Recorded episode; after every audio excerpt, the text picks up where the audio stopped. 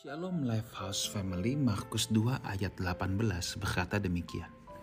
Pada suatu kali ketika murid-murid Yohanes dan orang-orang Farisi sedang berpuasa, datanglah orang-orang dan mengatakan kepada Yesus, "Mengapa murid-murid Yohanes dan murid-murid orang Farisi berpuasa tetapi murid-muridmu tidak?" Saudara ini sebuah kisah di mana ada orang-orang yang mempertanyakan kenapa murid Yesus tidak berpuasa. Berpuasa adalah bagian dari ritual keagamaan pada zaman itu di mana orang-orang yang dianggap rohani rutin untuk menyelenggarakannya. Saudara, yang hendak saya bahas di sini bukan pada puasanya, bukan pada kisah ini apa jawab Tuhan Yesus, bukan itu yang hendak saya bahas. Tetapi yang saya hendak bahas adalah begini jangan kita kepo ya atau jangan kita menghakimi atau mudah menilai keadaan rohani seseorang dari apa yang tampak pada mata kita. Saya ulangi lagi.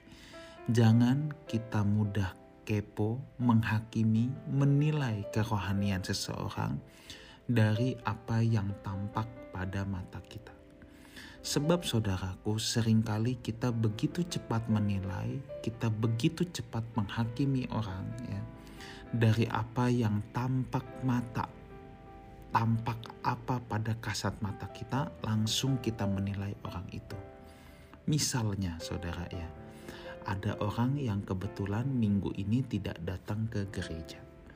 Lalu bisa saja ada orang yang cepat menilai, tuh kan males ke gereja saudara tentunya di sini persoalannya bukan apakah tidak ke gereja itu dosa atau tidak ya saya percaya orang-orang yang mengasihi Tuhan dan mengasihi sesama pasti rindu bersekutu, pasti rindu memuji Tuhan bersama, pasti rindu untuk mendengarkan firman Tuhan, pasti rindu untuk duduk diam di hadirat Tuhan. Tetapi yang saya ingin sampaikan adalah jangan kita mudah menghakimi seseorang. Kita tidak tahu kalau seseorang sedang tidak ke gereja itu karena apa.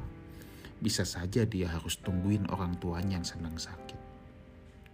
Walaupun saya juga mengerti ada orang yang tidak ke gereja ya simply karena dia memilih jalan-jalan trekking di hari Minggu pagi atau kegiatan-kegiatan lainnya.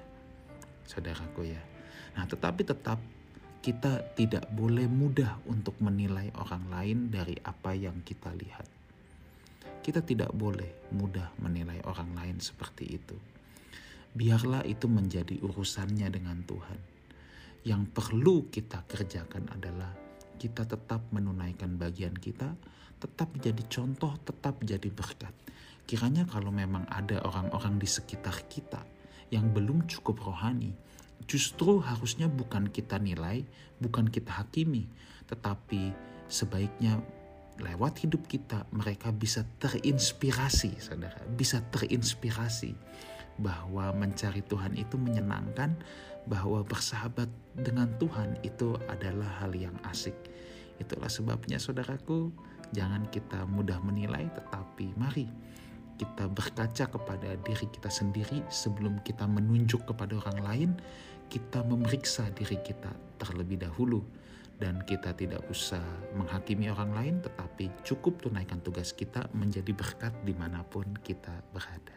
Kiranya Tuhan Yesus menyertai kita semua. Amin.